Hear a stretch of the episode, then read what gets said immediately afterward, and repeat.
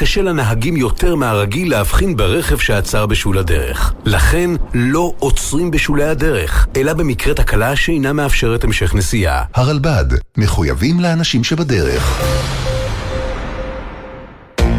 מיד אחרי החדשות, עמית תומר וסמי פרץ.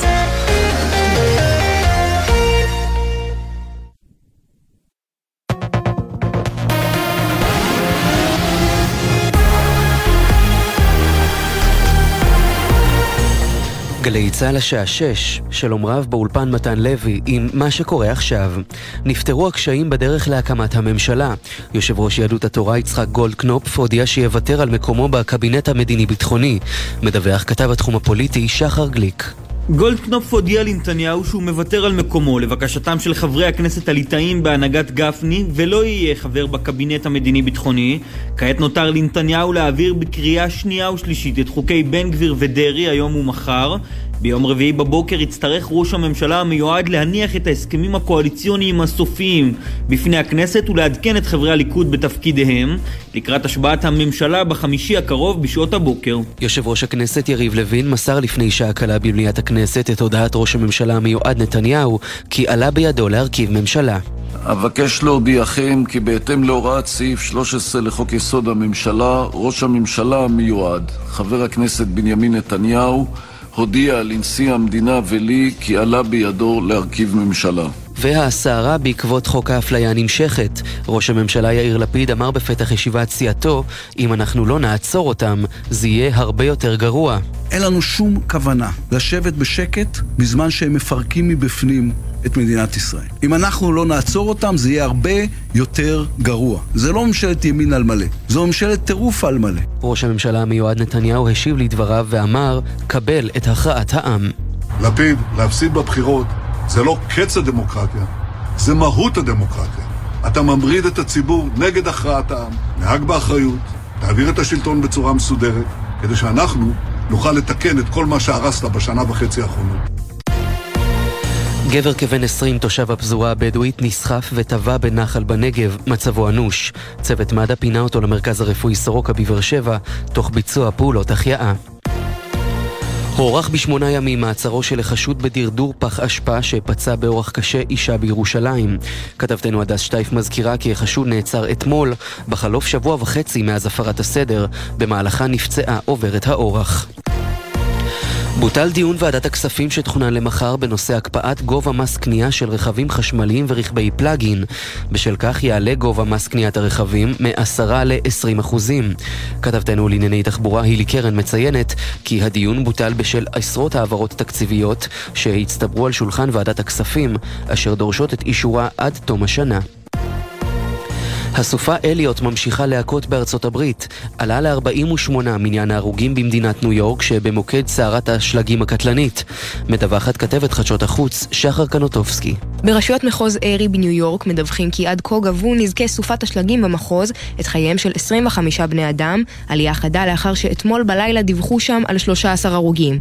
העדכון הזה מעלה ל-48 את מספר ההרוגים ברחבי ארצות הברית מאז ערב יום שישי. מושלת ניו יורק, קת'י הוקול, הגדירה את אליוט להיות אסון מזג אוויר יוצא דופן של פעם בחיים. ומזג האוויר אצלנו, הגשם יחלש ויתמעט בהדרגה, גשמים מקומיים מלווים סופות רעמים בודדות ירדו בעיקר במרכז הארץ ובדרומה. קיים חשש לשיטפונות בנחלי הדרום והמזרח. אלה החדשות.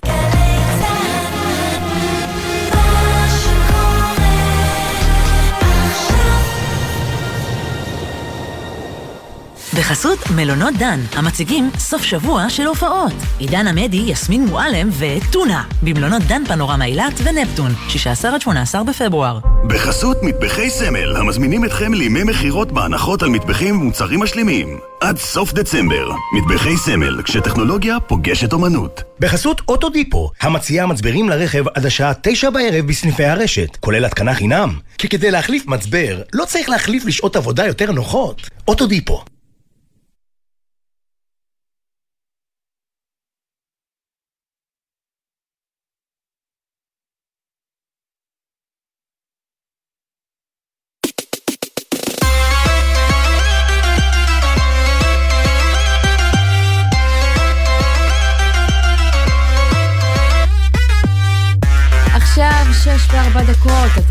לחיים עצמם, התוכנית הכלכלית-חברתית של גלי צה"ל. אני עמית תומר, ולצידי כמדי יום שני, סמי פרץ. מה העניינים, סמי? אני בסדר, אני עוקב כמו כולם אחר ההסכמים הקואליציוניים שמעוררים כל יום את הסערה התורנית, לפעמים שלוש ביום. ובאמת יש המון סעיפים מקוממים, בעייתיים, אנחנו נדבר על זה בהמשך, אבל דבר אחד לא מצאתי בהסכמים האלה עד עכשיו.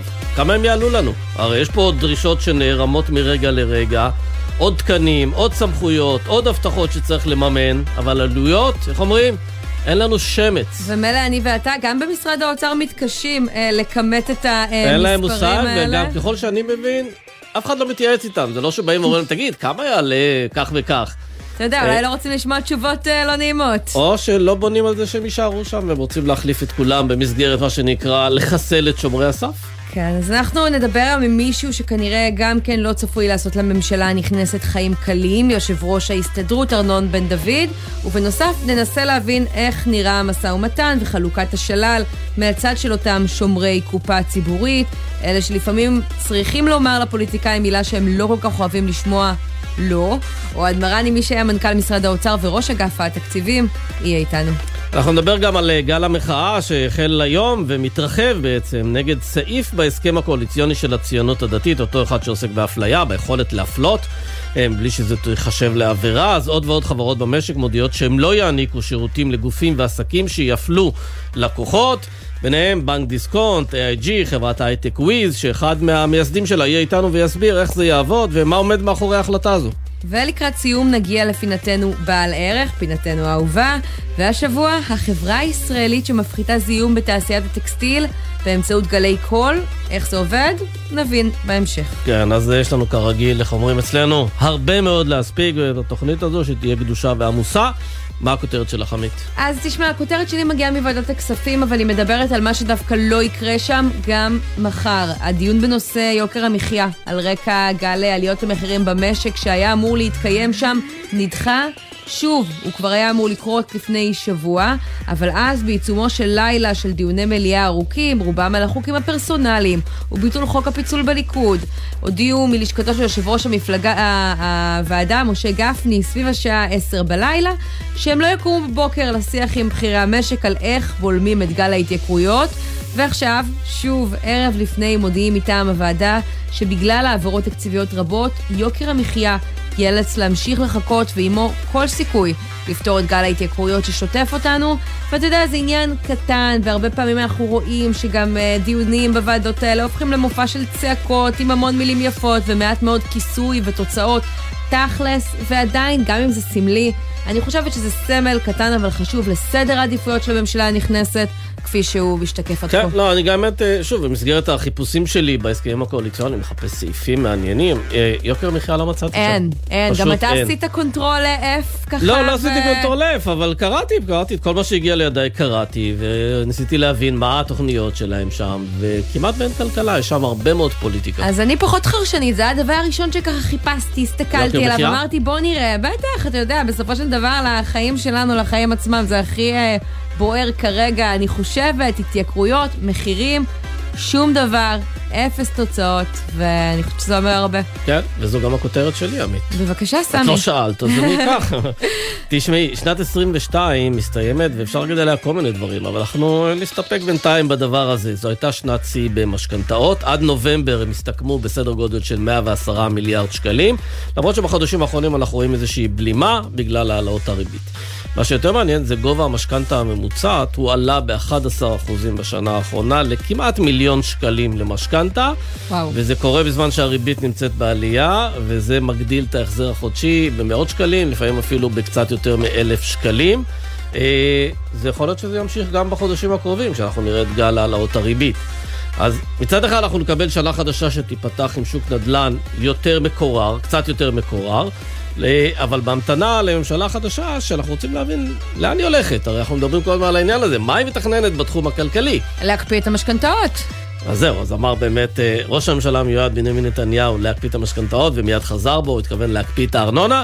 כנראה שגם את זה לא יקפיאו. אבל גפני עשה את זה במקומו בינתיים כן. בכנסת. אז בואו נראה אם יעשו את זה. אבל uh, אתה, ממה שאתה, מה שראיתי עד עכשיו, יש כל מיני דברים שקשורים בדיור לקהילה החרדית, כהסכמים של ש"ס, של יהדות התורה. של הציונות הדתית. לא ראיתי שום דבר שמתכננים לקהילה הלא דתית. כלומר, אם אתה חילוני ואתה מחפש עד עכשיו בהסכמים הקואליציוניים משהו שנוגע לדיור שלך, לא תמצא. אה, אני מקווה שבהסכם שמעגן את הדברים שחשובים למפלגת השלטון, הלא היא הליכוד, שם אה, נמצא משהו יותר רלוונטי, שנותן איזושהי בשורה למי שרוצה לרכוש או לשכור דירה. תשמע, לפי אורך והיקף ההסכמים הקואליציוניים, נראה שכמו בחלוקת התיקים הם יצטרכו להציב מעט מאוד דרישות, כדי כן, שיהיה אפשר לא יישאר אה, כבר מה לדרוש, למלא כן. אותם. ממש. טוב, אז בוא נתחיל. נתחיל.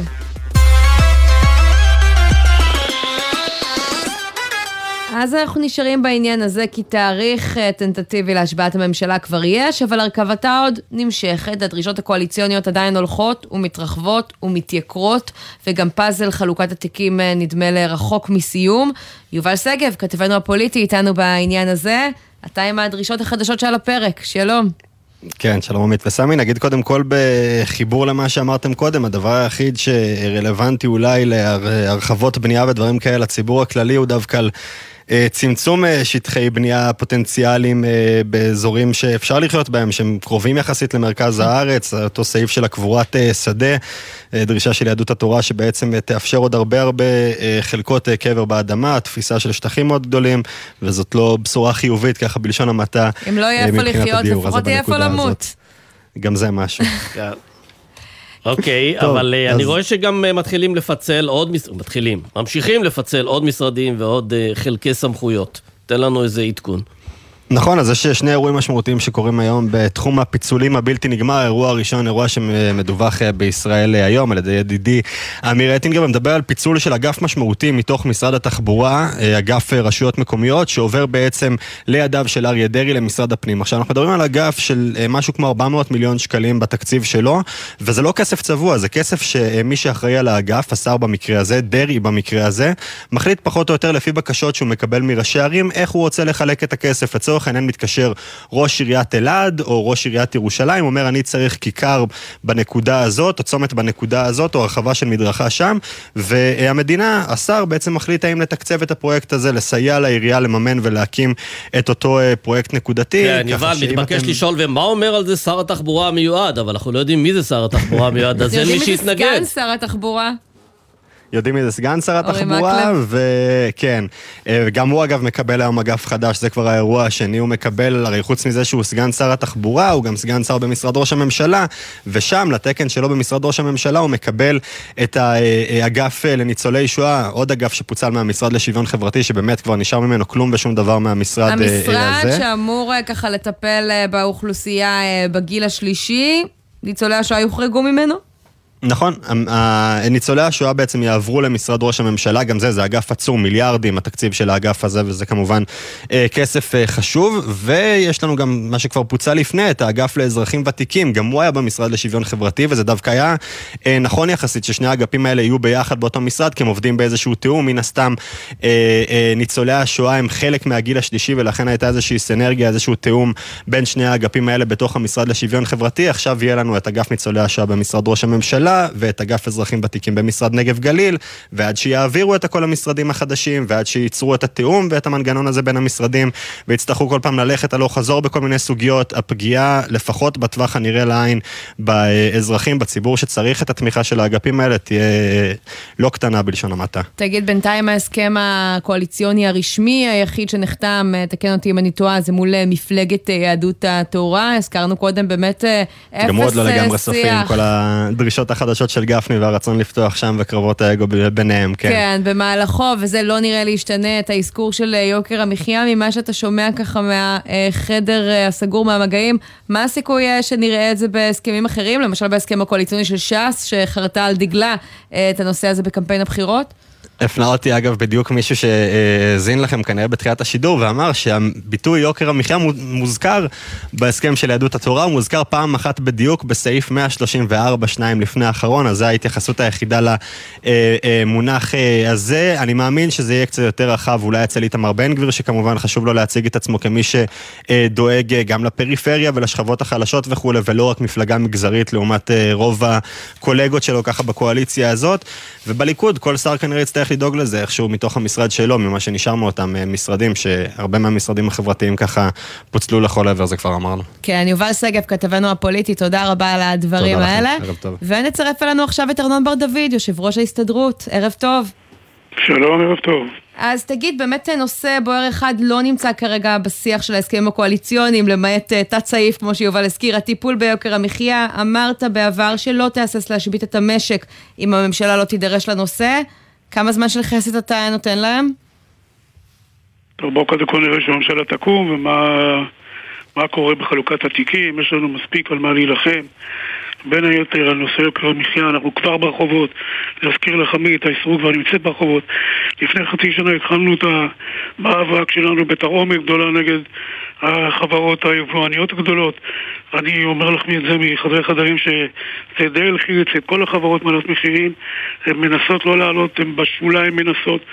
אה, מה, אבל לאחרונה, ארנון, יש גל, זה ממש כן, לא כן. בשוליים. תנובה, שטראוס. אוסם, כולם פתאום מרימות ראש. אני, זה נכון, כי יש בשוליים בסופו של דבר, אבל הם, רצו לעלות בהרבה יותר, אני יודע שהם אה, רצו לעלות ביותר, הם באו אליי, הם מדברים, הם חוששים. יש פה באמת התעוררות של הציבור. קשה מאוד עדיין להוציא את הציבור אה, החוצה, לרחובות, להפגנות, מאוד מאוד קשה. הציבור יודע לשבת ולהתלונן, ויודע לשבת ולהעביר ביקורת, אבל לצאת אה, באמת ולהילחם ולהיאבק, מאוד מאוד קשה. אני מניף את הדגל הזה של יוקר המחיה.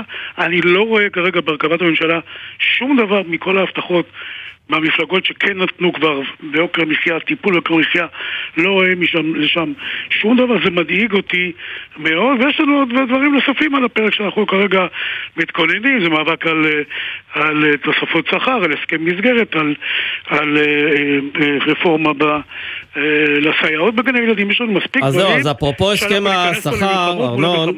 אתם אה, בעצם אחרי. שלוש שנים של אה, בעצם הקפאת שכר במגזר הציבורי, אה, כתוצאה גם ממשבר הקורונה, אה, אתם אמורים להיכנס אה, בקרוב ממש לדיוני שכר, ואני מנסה להבין, האם אתם רוצים הסכם שנותן שקט תעשייתי לממשלה לגמרי, או שאתם תבקשו משהו כללי לכל עובדי המגזר הציבורי, ואחר כך יבואו כל מיני מגזרים, וכל אחד מהם אה, יבקש את הדרישות המיוחדות שלו, ככה שאנחנו ניכנס עכשיו לתקופה מאוד ארוכה של, אה, של משא ומתן ושל אה, לחצים כאלה של שכר.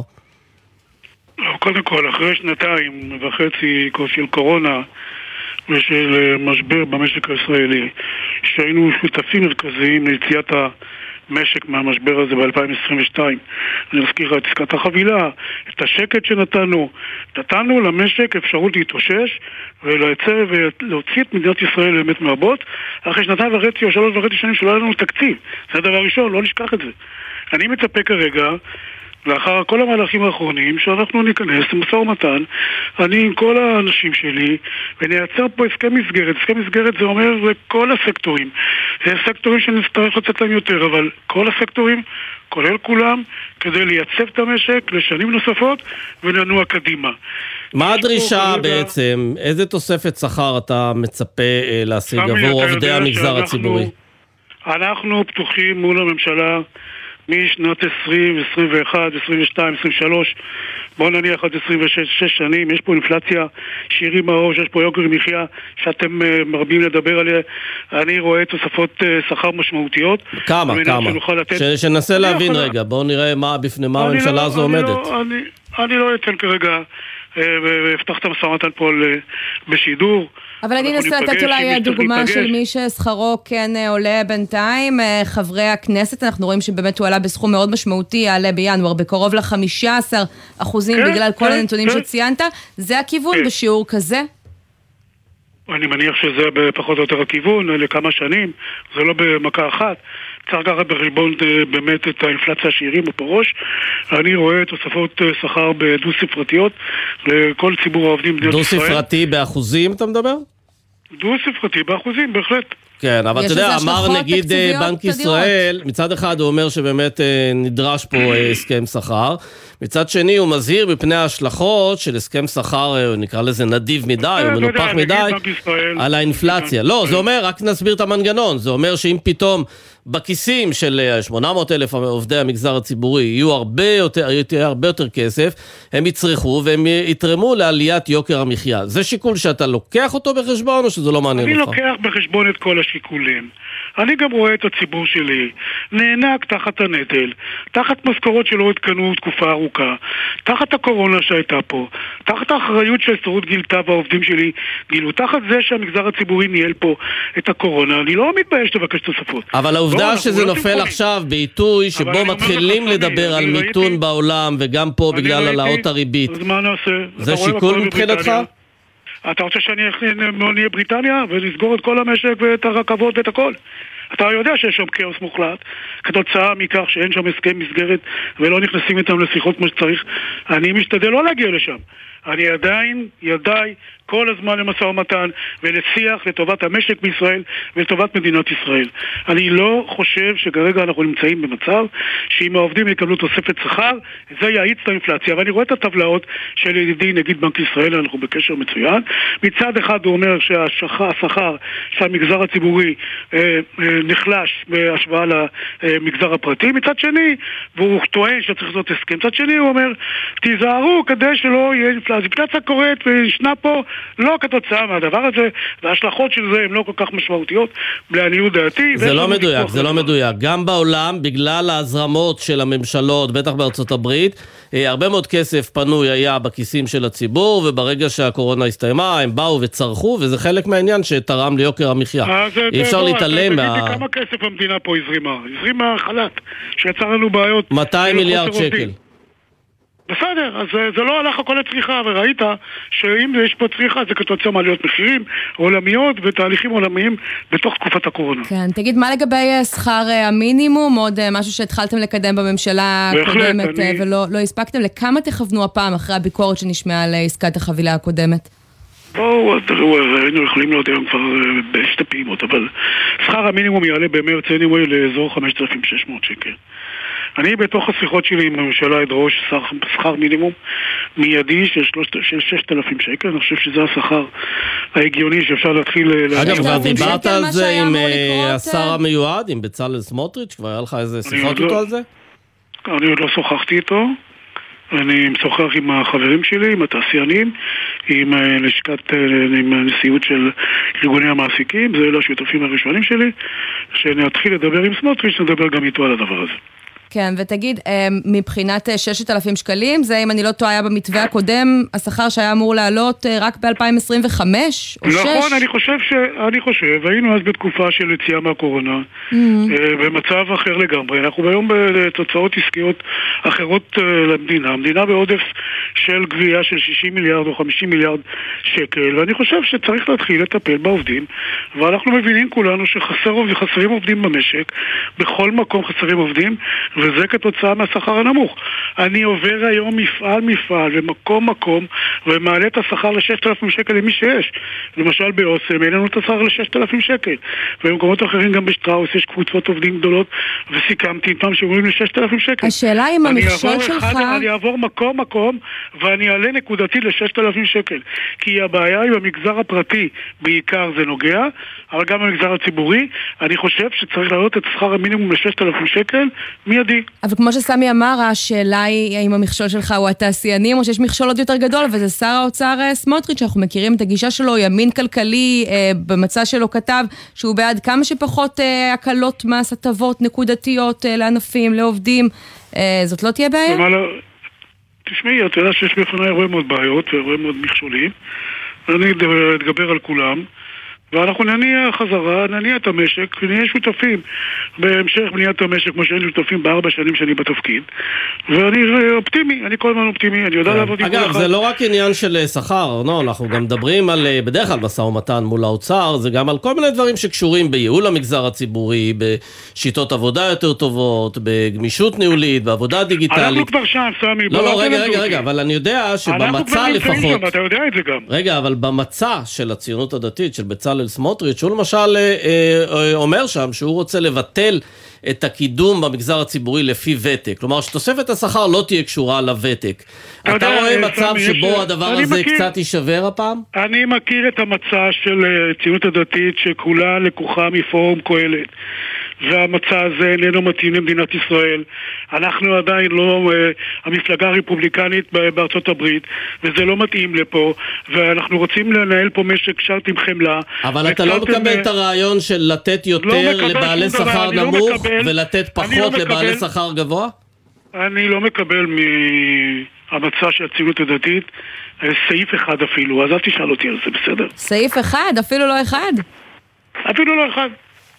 אני מציע לך לקרוא אותו. אז זהו, אני רוצה תפקידו. לדבר על סעיף אחד, אתה יודע מה, בהסכם הקואליציוני עם יהדות התורה, ולפי הדיווחים גם בהסכם הקואליציוני הזה שעדיין אה, לא ראינו, אה, אי מתן השירותים על רקע אה, אמונה דתית, מה שנקרא סעיף האפליה. אנחנו רואים כל עוד במגזר העסקי שקוראים לא לשתף פעולה עם זה, כמי שאחראי על העובדים ברבים מהגופים במשק, מה עמדתך בעניין? זאת שערורייה. אני לא מאמין שהדבר הזה יעבור. בסוף, אתם יודעים, יש פה דברים מוזרים ומטורפים שקורים פה במדינה, במשא ומתן הזה, יש לי המון ביקורת, אבל בסוף יש פה גם ראש ממשלה שצריך לנהל את הממשלה. אתה רואה מצב ו- שבו ההסתדרות תרתום את כוחה כדי להיאבק למשל בעסקים שאולי יפלו לקוחות על רקע... אני לא רואה מצב שזה יקרה, אני אומר לך את האמת, עם כל האפוקליפסה שיש מסביבנו, אני לא רואה מצב שדבר כזה קורה. שמע, זה מעוגן בסעיף זאת- הקואליציוני, אז השאלה אם תנחה את העובדים שלא לשתף פעולה עם חוק כזה אני במידה ויעבור. אני תכף, בוודאי, תכף אני אגע בזה. אני קודם כל רוצה לומר שאני מצפה מהממשלה החדשה, מראש הממשלה המיועד, שיפיק את הסמכויות שלו, הוא האדם המבוגר האחראי פה, שלא ייתן פה לשינוי בסטט, בסטטוס קוו, לא בנושאים הדתיים, ולא בנושאים החברתיים, ולא בנושאים של אה, להט"בים וכדומה, זה דבר... מה לגבי מערכת אותו הזה. המשפט, למשל פסקת התגברות, זה משהו שמזיז לך כיושב ראש פסקת התג- הסתדרות? תראה, אני לא אוהב את זה, אבל אה, בוא, זה דבר שאתה יודע, יש כנסת, אה, היו בחירות שיילחמו בדבר הזה, דברים שקשורים לחברתי ולמרקם של החברה הישראלית, אני אלחם. בנושא הזה שדיברתם קודם על האפליה על רקע מגדרי, זה שערורייה, הרי זה לא יעלה על הדעת. אף אחד לא, היה- לא, לא, לא, לא ייקח את זה ולא ולא ישתמש בזה ולא יענה לזה. ואני אהיה הראשון שירים פה את נס המאבק. איך? עוד תראו, אתם יודעים, אני צריך להרבה, להרים הרבה דגלים. נניף גם את זה. אם אנחנו ניכנס למאבקים, אז ניכנס גם על הדבר הזה. יכול להיות שאנחנו ניכנס למאבקים באמת שהמדינה פה תבער. יכול להיות שיש מצב כזה.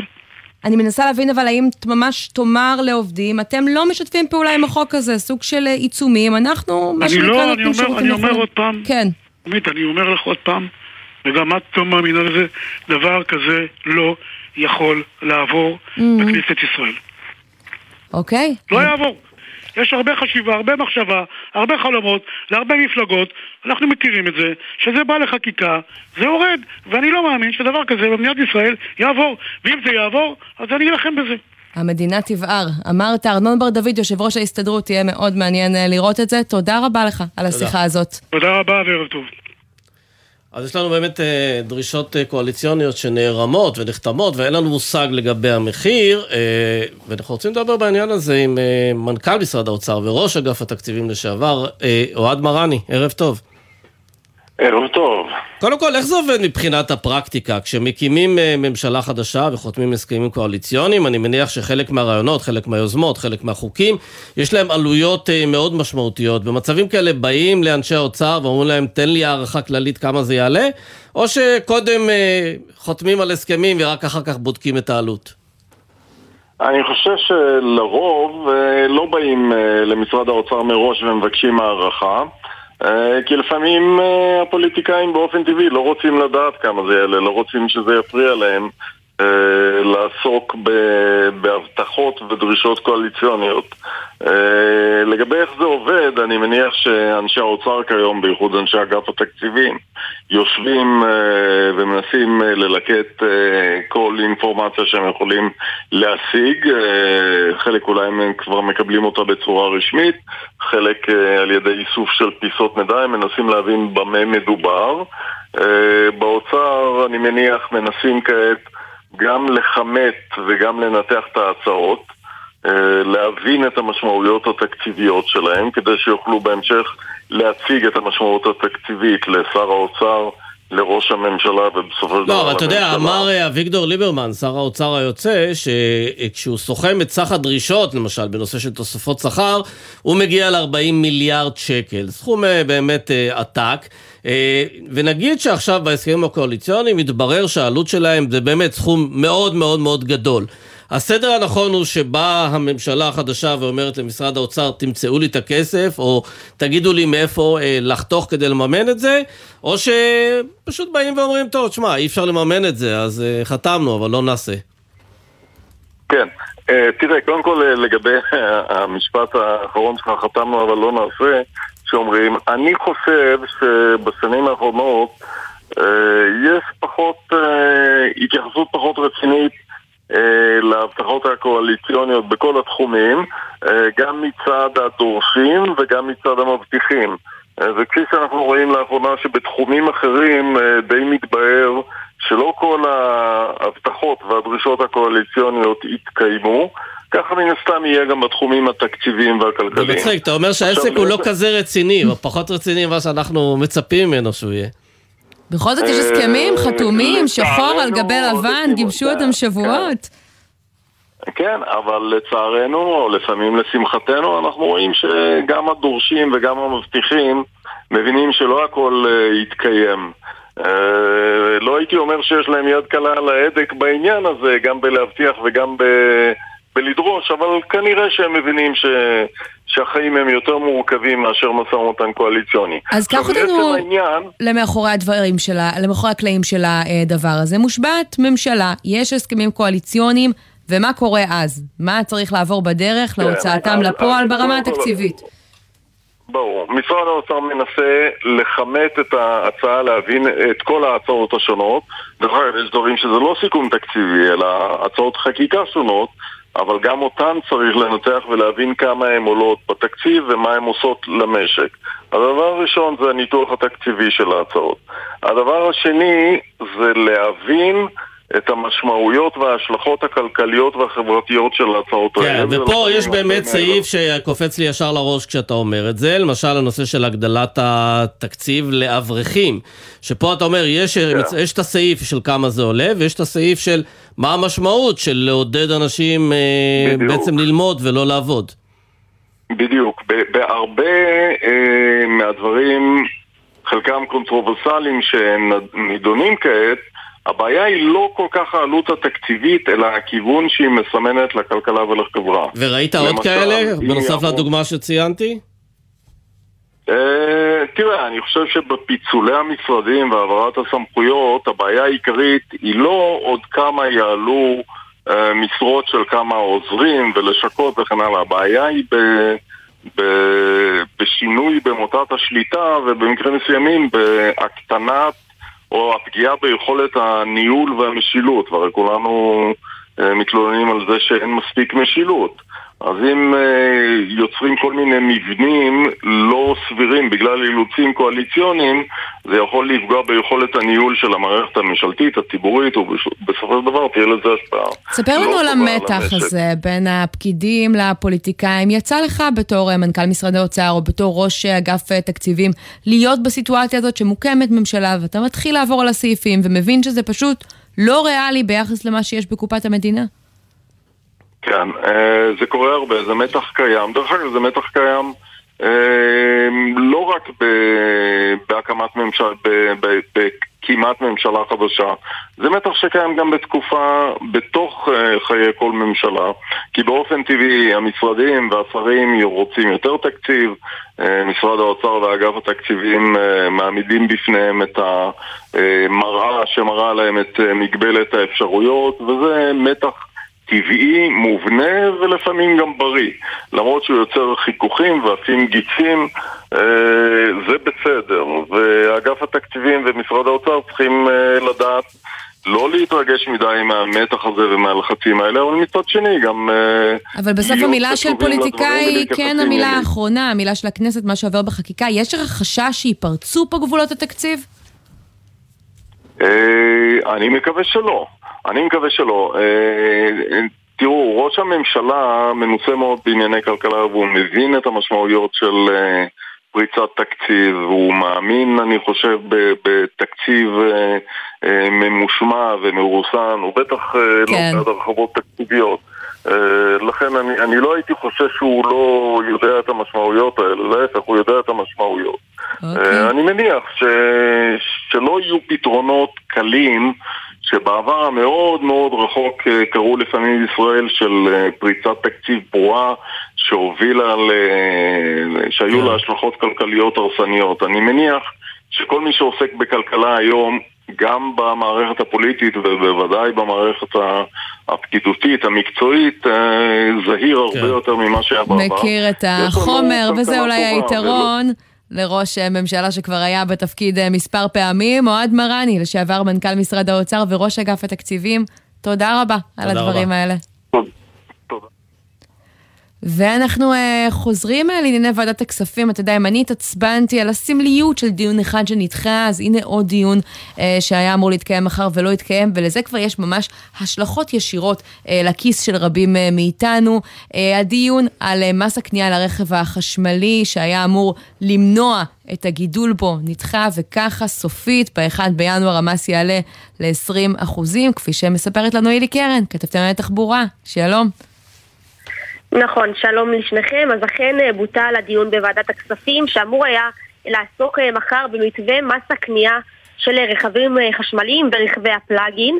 בעצם מס הרכישה על רכבי הבנזין שרובנו נוסעים בהם היום עומד על כ-80% פחות או יותר וכדי להאיץ את כניסת המכוניות החשמליות לשוק בישראל נקבע מתווה בשנת 2019 במסגרתו המס על הרכבים החשמליים יגדל בהדרגה.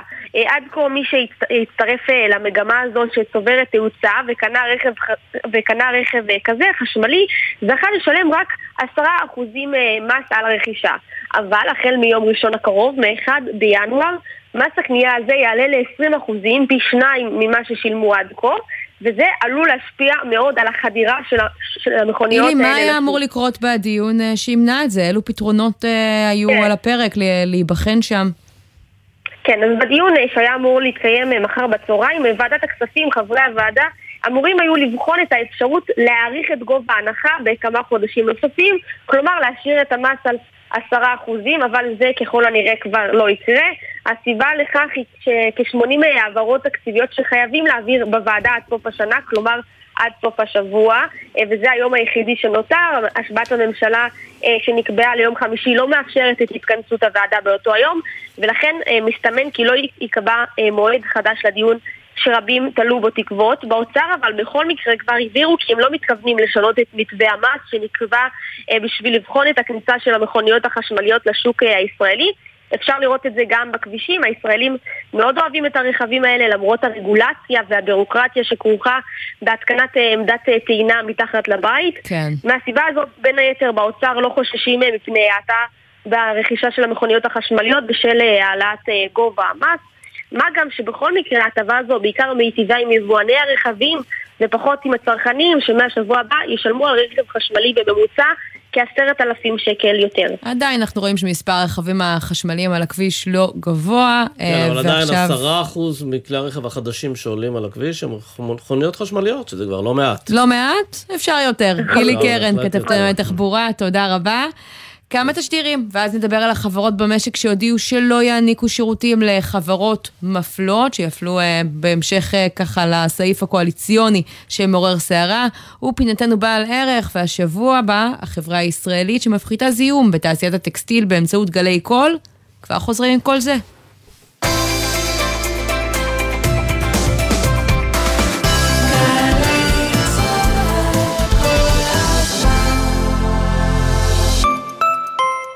שלום, כאן איתי הרמן. מי כמוני יודע שידע הוא כוח, אבל ידע הוא גם כוח, בקוף ובחטא. קורות חיים. כי להציג בקורות החיים ידע בתכנות למשל, במדעי הנתונים או באבטחת מידע, יכול להשיג למענכם את משרת החלומות שלכם בהייטק. אז היכנסו לאתר קמפוס אייל ותלמדו חינם, מגוון קורסים מקצועיים שיוכלו להעניק לכם יתרון בכל ראיון. חפשו קמפוס אייל, קמפוס אייל, בהובלת מערך הדיגיטל הלאומי והמועצה להשכלה גבוהה. אתם לא תציבו בעסק שלכם שלט אין כניסה לאנשים עם מוגבלות. זה לא כלכלי, לא מוסרי, וזה גם לא חוקי. אבל זה מה שאתם עושים כשאתם לא מנגישים את העסק שלכם. בעלי עסקים, במהלך שנת 2023, אכיפת הנגישות תכלול גם קנסות. עסקים שאינם נגישים יהיו חשופים לתביעות ולקנסות גבוהים. עדיין יש לכם הזדמנות להנגיש את העסק ואת האתר שלכם, כי החובה שלכם היא הזכות שלנו. מידע נוסף באתר נציבות שוויון זכויות לאנשים עם מוגבלות. והפעם בסיפורי לילה איתנו יוסי, נהג סמי טריילר שקיבל 300 שקלים מענק. יוסי, מה עשית לשם כך? פשוט העמסתי ונסעתי בלילה. ועל זה קיבלת עוד 300 שקלים. סיפור מדהים. חדשות טובות לחברות התובלה ולנהגי המשאיות. מיזם לילה טוב מתרחב. מהיום משנעים מטען כללי מהנמל, משלוש בלילה עד שש לפנות בוקר, ומקבלים עד 300 שקלים מענק על כל הובלה. 300 שקלים מענק? זה ענק. לפרטים חפשו מיזם לילה טוב בגוגל. מגישה חברת נמלי ישראל. עוגן חשוב לכלכלת ישראל. המענק כפוף לכתב התחייבות. עכשיו בגלי צה"ל, עמית תומר וסמי פרץ עם החיים עצמם. חזרנו, ועכשיו אנחנו אה, לחברות במשק שמודיעות שהן מתכוונות אה, להפלות אה, ספקים, אנשים, לקוחות, שהשתמשו אה, בחוק האפליה החדש במידה ואכן כזה יעבור. זה כרגע סעיף בהסכמים הקואליציוניים. ראינו את זה בבוקר סמי עם בנק דיסקונט, כן. וזה עורר גל הצטרפות. כן, אז קודם כל אני חייב להגיד. שאני מופתע מבנק דיסקונט, משום שכשראיתי את מכתב ההייטקיסטים למשל, אז אמרתי לעצמי, טוב, הייטקיסטים אין להם עסקים בישראל, הם לא מסתכנים יותר מדי כשהם יוצאים בקריאה כזאת, Mm. אז אה, בנק אה, דיסקונט באמת אמר שהוא לא יעניק אשראי לעסק שיפלה לקוחות על בסיס דת, גזע, מין או נטייה מינית.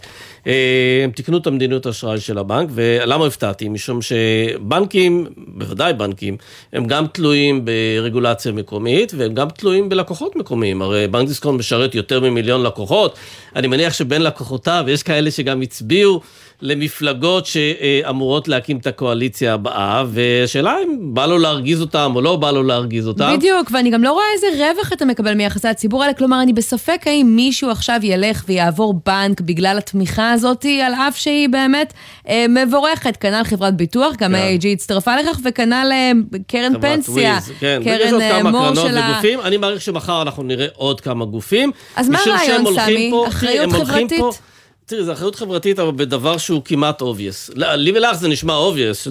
שעסק לא יכול להפלות אף אחד על בסיס הגזע, הדת, המין או הנטייה המינית שלו, אה, ואני חושב שהם מבינים שיש פה, אה, עם כל הכבוד לזה שיש רוב לממשלת ימין או לא, אין רוב לאפליה, אין רוב כזה, זה לא קיים בציבור הישראלי, והם מזהים את זה, הם לא רוצים להיות מזוהים עם זה, ואת יודעת מה, גם אה, יש היום הרבה מאוד חברות שפועלות לפי כל מיני מדדים שקובע האו"ם, לאו"ם יש איזה 17 או 18 מדדים לגבי עסקים, Mm. ואחריות חברתית, ובאמת יש שם סעיפים שעוסקים בדברים האלה, אתה לא יכול באמת להיחשב כמי שיש לו אחריות חברתית.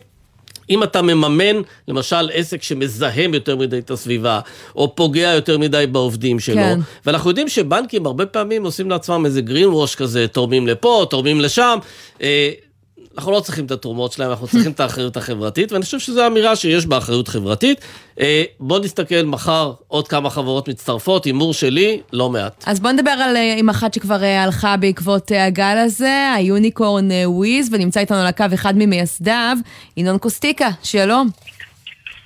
שלום רב. אז uh, תספר לנו ככה איך אה, הבשילה הרעיון באמת uh, להוציא את ההודעה שהוצאתם, לפיה אתם לא תעבדו עם uh, ספקים שבעצם uh, לא ייתנו שירות לכלל האוכלוסייה וישתמשו באפשרות החדשה הזאת אם תקרה uh, להפלות אוכלוסיות כאלו ואחרות. כן, אז אנחנו כמו כולם גם ראינו את החדשות בדאגה כי רבה והבנו שיש פה כרסום במה שהיה מובן מאליו עד היום. אה, והקריאות האלו מן הסתם אה, גרמו לנו לצאת ל, אה, בעצם ל, ל, להסדיר רשמית את מה שעד היום היה מובן מאליו ולדרוש בעצם מכל הספקים שלנו שהם לא... כלומר, הם ימשיכו במדיניות אי אפליה כפי שהיה עד כן, עכשיו. אבל אני מנסה להבין איך זה יעבוד ברמה הפרקטית. כלומר, אה, אתם אה, כנראה חברה שלא תעצבן אה, אף אחד מהספקים שאתם עובדים איתם. איך תבדקו? האם הם באמת עובדים עם כולם, גם במקרים רגישים יותר? אה, זה במסגרת חוזה ההתקשרות הסטנדרטי עם כל חברה, אנחנו פשוט אה, מוודאים שיש את הסעיף הזה, וסעיף, אה, עם מילוי הסעיף הזה... סעיף שבעצם מתייחס. למערכות היחסים שלהם עם לקוחות אחרים, עם חברות אחרות? עם ספקים, נותני שירות, שותפים בארץ, כן. כן, שבעצם אתה בא ואתה אומר, העניין הזה של אחריות חברתית, אני משתמש בו בהגדרה הרחבה שלו, שאני לא דואג רק ל... ל...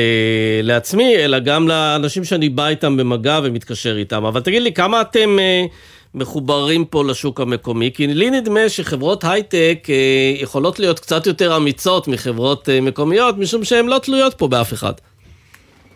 אז זה נכון שרוב לקוחותינו הם באמת אה, גלובליים, בינלאומיים, מצד שני אה, וויזי אה, חברה שיושבת בישראל עם הרבה מאוד ספקים מקומיים, אנחנו מאוד מחוברים לתעשייה המקומית, גם ברמת שותפות, גם ברמת ספקים, עבודה שוטפת, ואני חושב שזה חשוב שחברות, וויזי גם החברה עם כל הזה, היא חברה ישראלית שהיא גם החברה שצומחת הכי מהר בעולם. Mm. לפי זה, ולכן אה, אני חושב שחשוב שחברות אה, כמונו וכמו מייקרוסופט שגם הודיע על זה ורבות אחרות שכבר שמעתי שהצטרפו כן ירימו את הדגל ויגידו שאם אה, אם יהיה חוקי בכלל, ואני מאוד מקווה שלא, כן. אבל אם יהיה דבר כזה שאפשר להפלות אה, על בסיס אה, איזשהו אה, סעיף, אנחנו שומרים את הזכות לסיים את היחסים. ותגיד, ואם הממשלה החדשה תקדם דברים אחרים שהם שנויים במחלוקת בציבוריות הישראלית, אני יודע מה, פסקת התגברות, או להכשיר שר שהורשע בפלילים, אלה דברים שגם כן אתה מרגיש שיש לכם מה להגיד בהם, או שאתם עוצרים פה את המעורבות החברתית שלכם?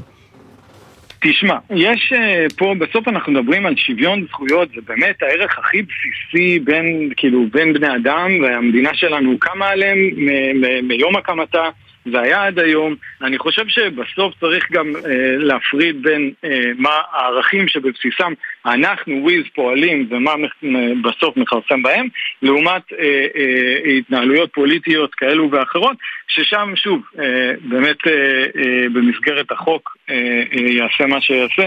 אה, אני חושב שבסוף, כאשר באים לפגוע בבני אדם, אה, אנחנו צריכים לעמוד על, אה, אה, על זה, כי זה ערכים. כן, אבל אתה אומר, יש לנו איזושהי מערכת יחסים בכל זאת עם המדינה, גם אם רוב לקוחותינו הם לא אה, מישראל, ואחת המפלגות שהכי דחפו לסעיף הזה שאתה מכנה בעייתי, הציונות הדתית, אה, בראשות בצלאל סמוטריץ', שר האוצר המיועד, זה לא מלחיץ אותך כשאתה בא ומדבר פה ואתם מוצאים את ההודעה הזאת, שבפעם הבאה שתצטרכו איזה שהם הטבות, הקלות מהמדינה, אה, תמריצים. אה, תיתקלו אה, בעצם אה, בתגובה לא כל כך חיובית על רקע באמת המחאה הזאת, אני חושבת שאפשר לקרוא לזה ככה? אני, קודם כל אני חושב שזה לא רק וויז, ואני לא מפחד כי אני מקווה ומאמין שהרוב המוחלט, המוחלט, המוחלט, אם לא כל הכלכלה הישראלית, נמצא באותה עמדה. ולכן מאוד מאוד חשוב כן להשמיע קול, כן לעמוד ולהרים את הדגל, שאומר זה קו אדום מבחינתנו, אנחנו לא מוכנים אה, בסוף להתנהל בכלכלה אה, אה, כן. ש... ש מבטלת אנשים בצורה כזו, זה חמור מאוד. בוויז יש אה, עובדים במגזרים שונים, אה, ערבים, דתיים, להט"בים, ולא בא בחשבון, אה, אני, באמת, אני לא אעלה על הדעת שיהיה בכלל חוקי להפלות נתינת שירות לפי אחד מהפרמטרים האלו, זה לא עובר סף, קו כן. אדום. ינון קוסטיקה, ממייסדי יוניקורן וויז, תודה רבה שדיברת איתנו. תודה רבה לכם.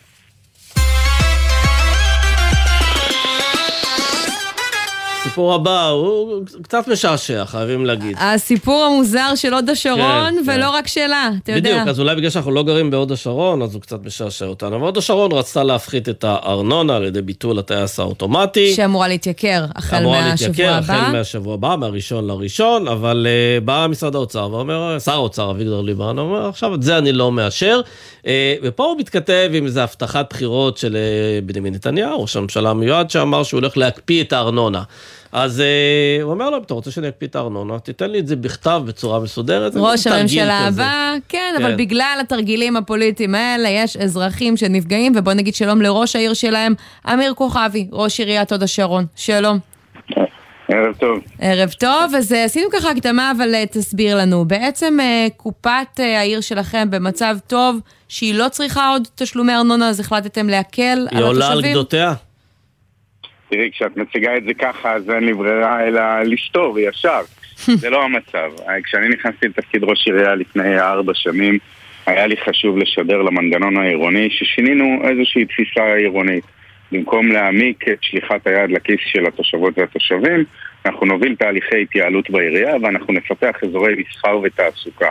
כדי להכניס את כל המערכת להלם שמבין שזה מה שעומד לקרות מעכשיו. אנחנו התחלנו כבר מאותה שנה ועד למעשה השנה האחרונה לא רק שלא לבקש העלאות ארנונה כפי שנהוג אה, על ידי מרבית הרשויות, כפי שוודאי היה נהוג בעיריית הוד השרון לפני שנכנסתי לתפקיד, אלא גם לבקש את ההפחתה של מה שמשרד הפנים קורא לו הטייס האוטומטי.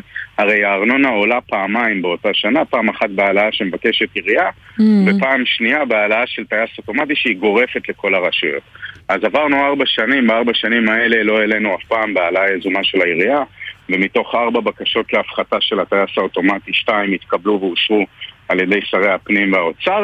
ובאמת עשינו תהליך של התייעלות פנים-ארגונית. והפעם אה, אמרת, אני יכול להימנע גם מהטייס האוטומטי, לחסוך את זה לתושבים. ורצינו להשלים גם השנה את הבקשה הזאת, כן, זה פוגע בבסיס התקציב. רגע, כן, בכמה זה... זה אמור לעלות ארנונה אצלכם?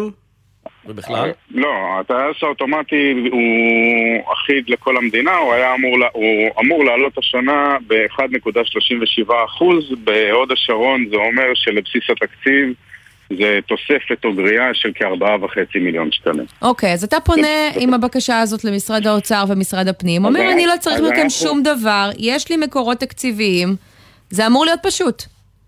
אז אנחנו עושים את העבודה, באמת מייצרים גם תקציב עירייה, גם תוכניות עבודה וגם מראים למשרדי הממשלה איך אנחנו בעצם הולכים לגשר על הפער הזה ולשמור רמת שירות אה, מספקת ואף משתפרת.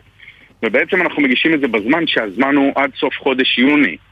אה, אנחנו נמצאים כמעט שישה חודשים אחרי, כן. ואז פתאום מגיעה שבוע שעבר הודעה אה, במכתב ממשרד האוצר שלמעשה בגלל שהשר לא הספיק לחתום, כל בקשות הארנונה נדחות באופן גורף. כן, עכשיו תגיד לי, אבל מה יקרה? אני רוצה רק להתקדם טיפה הלאה. נגיד שבאמת, לא נגיד, זה המצב, הם ישלמו החל מהשבוע הבא יותר. אה, נגיד שזה בעוד שלושה או ארבעה או חמישה חודשים הממשלה תסדיר את זה, אתה תחזיר לתושבים את מה שגבית מהם? הממשלה לא תסדיר את זה. כל הסיפור של חוק הארנונה עבר שינוי בתחילת הקדנציה הזאת באופן שהוא צופה פני עתיד. כי בעבר הארנונה באמת הייתה רטרו, אה, וצווי הארנונה היו מאושרים בסוף שנה ואז מכילים אותם אחורה. אה, נדמה לי זה היה כחלון ששינה את זה. אה, ובצדק, והרשויות מחויבות להגיש עד יוני לטובת שנה לאחר מכן. למעשה הממשלה הבאה לא תוכל לשנות את זה, אני גם אגיד לך יותר מזה. אכן, סביר להניח שיש רשויות שביקשו העלאה גם בסיפור הזה, mm. ולכן לאשר רטרואקטיבית העלאה זה סותר בדיוק את כל מה שמשרד האוצר שינה בעבר, בהליכי גביית אגב, להבנתי, גם הרשויות האלו קיבלו את אותה תשובה משר האוצר, אתה יודע, לך אמרו שהוא לא הספיק לחתום. תשמע מה הוא אומר לנו. אה, שר האוצר אביגדור ליברמן מכבד את אותות הבחירות, והבהיר בפני הדרג המקצועי במשרד שהוא לא מתכוון לפעול או לחתום על שום נושא שנוי במחלוקת בממשלה היוצאת לנכנסת, מכיוון שראש הממשלה המיועד הצהיר מספר פעמים שבכוונתו להקפיא את מחירי הארנונה, השר ליברמן מבהיר כי הוא מוכן לחתום על הצווים בנושא, אבל רק במידה וראש הממשלה המיועד יפנה אליו ויבקש זאת ממנו בצורה מפורשת. מפורשת ובכתב כדי למנוע פתחון פה למחטף של הרגע האחרון. ואני שואלת, זאת לא אה, הטרלה על חשבונך? זאת הטרלה לא רק על חשבון, אלא על חשבון כל תושבות ותושבי ישראל, ואני רוצה להגיד שהמילה הקפאה היא המילה המשמעותית פה. חוקי הארנונה אה, אה, כפופים למה שנקרא חוקי ההקפאה. היכולות של הרשויות המקומיות להסדיר את חוקי הארנונה הן גם ככה מינימליות. המדינה לא מאפשרת לנו לא להסדיר את שיטות המדידה, לא להסדיר תעריפים. למעשה, אחד הדברים הבודדים שהיא מאשרת לנו זה לבקש העלאה חריגה או לבקש הפחתה חריגה כפי שאנחנו עשינו. אבל הפער בחשבונות הארנונה הוא פער מטורף שהממשלה מפחדת להתעסק איתו.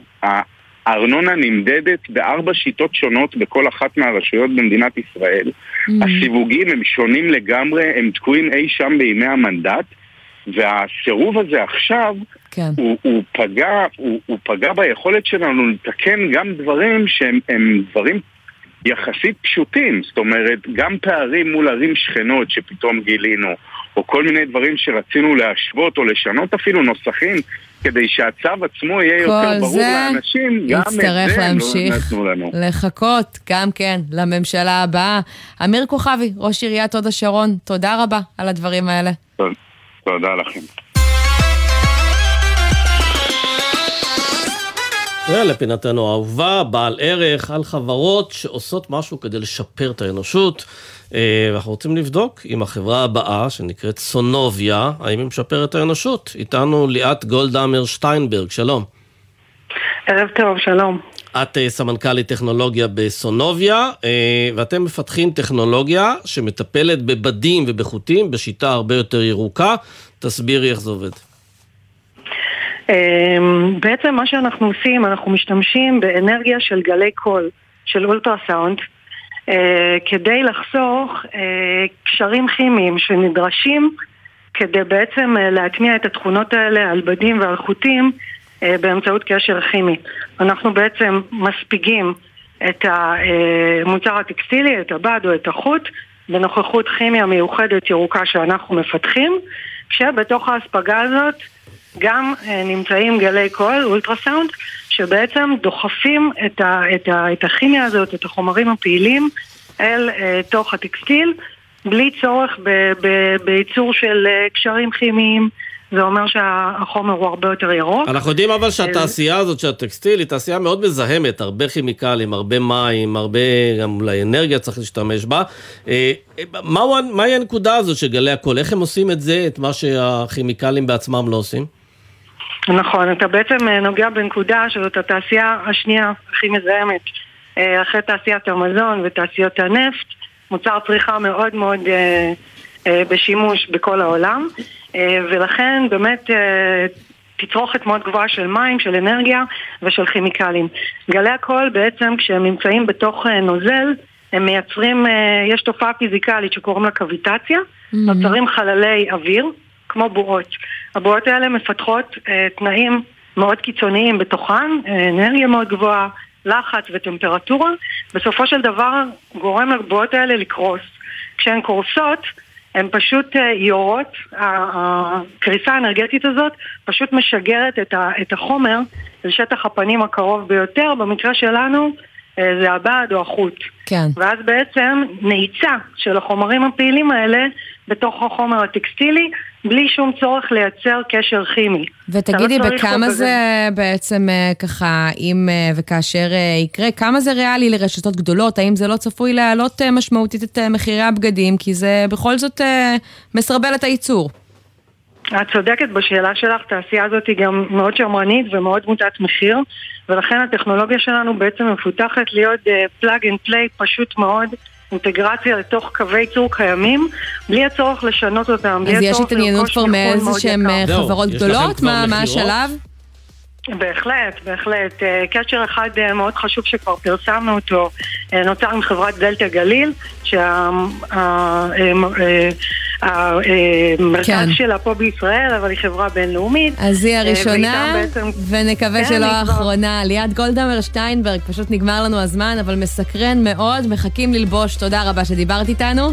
נגיד תודה גם לבן נצר שערך את השידור הזה, לירון מטלון הפיק, על הביצוע הטכני הייתה גאיה קפלן, ועורכת הדיגיטלי מיה אורן.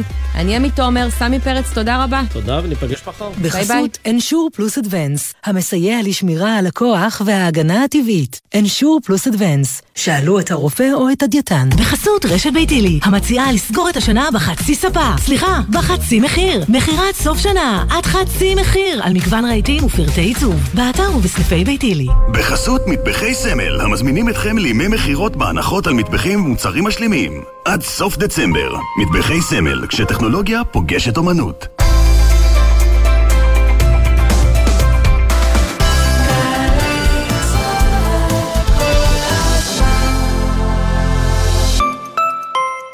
בפעם הראשונה שראיתי את נכדותיי, עמדתי מעבר לרחוב. לא העזתי להתקרב. כך נפתח ספרה של הילה בלום, זוכת פרס ספיר של מפעל הפיס לספרות, 2021. ומי יהיה הספר הזוכה השנה בפרס ספיר של מפעל הפיס?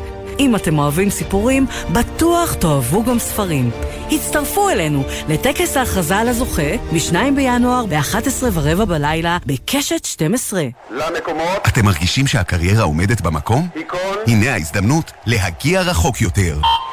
מצטרפים לתעשייה הישראלית, הקולטת אלפי עובדים ועובדות במגוון תחומים, ונהנים מתנאים מעולים, תפקידים מעניינים, קידום, שכר גבוה, והכי חשוב, ביקוש תמידי שיכול להבטיח עתיד יציב ובטוח. תעשייה ישראלית, קריירה מרתקת, מתחילה כאן. לפרטים חפשו ברשת תעשיינים בישראל, משרד הכלכלה והתעשייה והתאחדות התעשיינים בישראל. בני משפחות ילדי תימן, המזרח והבלקן, אל תוותרו על זכאותכם להסדר כספי מהמדינה. ממשלת ישראל החליטה לאפשר הסדר כספי למשפחות שעניין ילדיהן נדון באחת משלוש הוועדות הרשמיות, ובאחרונה שבהן נקבע כי הילד נפטר או שגורלו אינו ידוע. לבדיקה ולמיצוי זכויותיכם, הגישו כבר היום בקשה מהירה באתר ענבל, חברת הביטוח הממשלתית. המועד האחרון לקבלת ההסדר הכספי נקבע ל-1 במרס 23. פנו עד היום ובדקו את זכאותכם. מגישים משרד האוצר ומשרד המשפטים. כשאת בפעילות מבצעית, יש לך לפעמים רק חלקיק שנייה להחלטה גורלית. אבל בבית,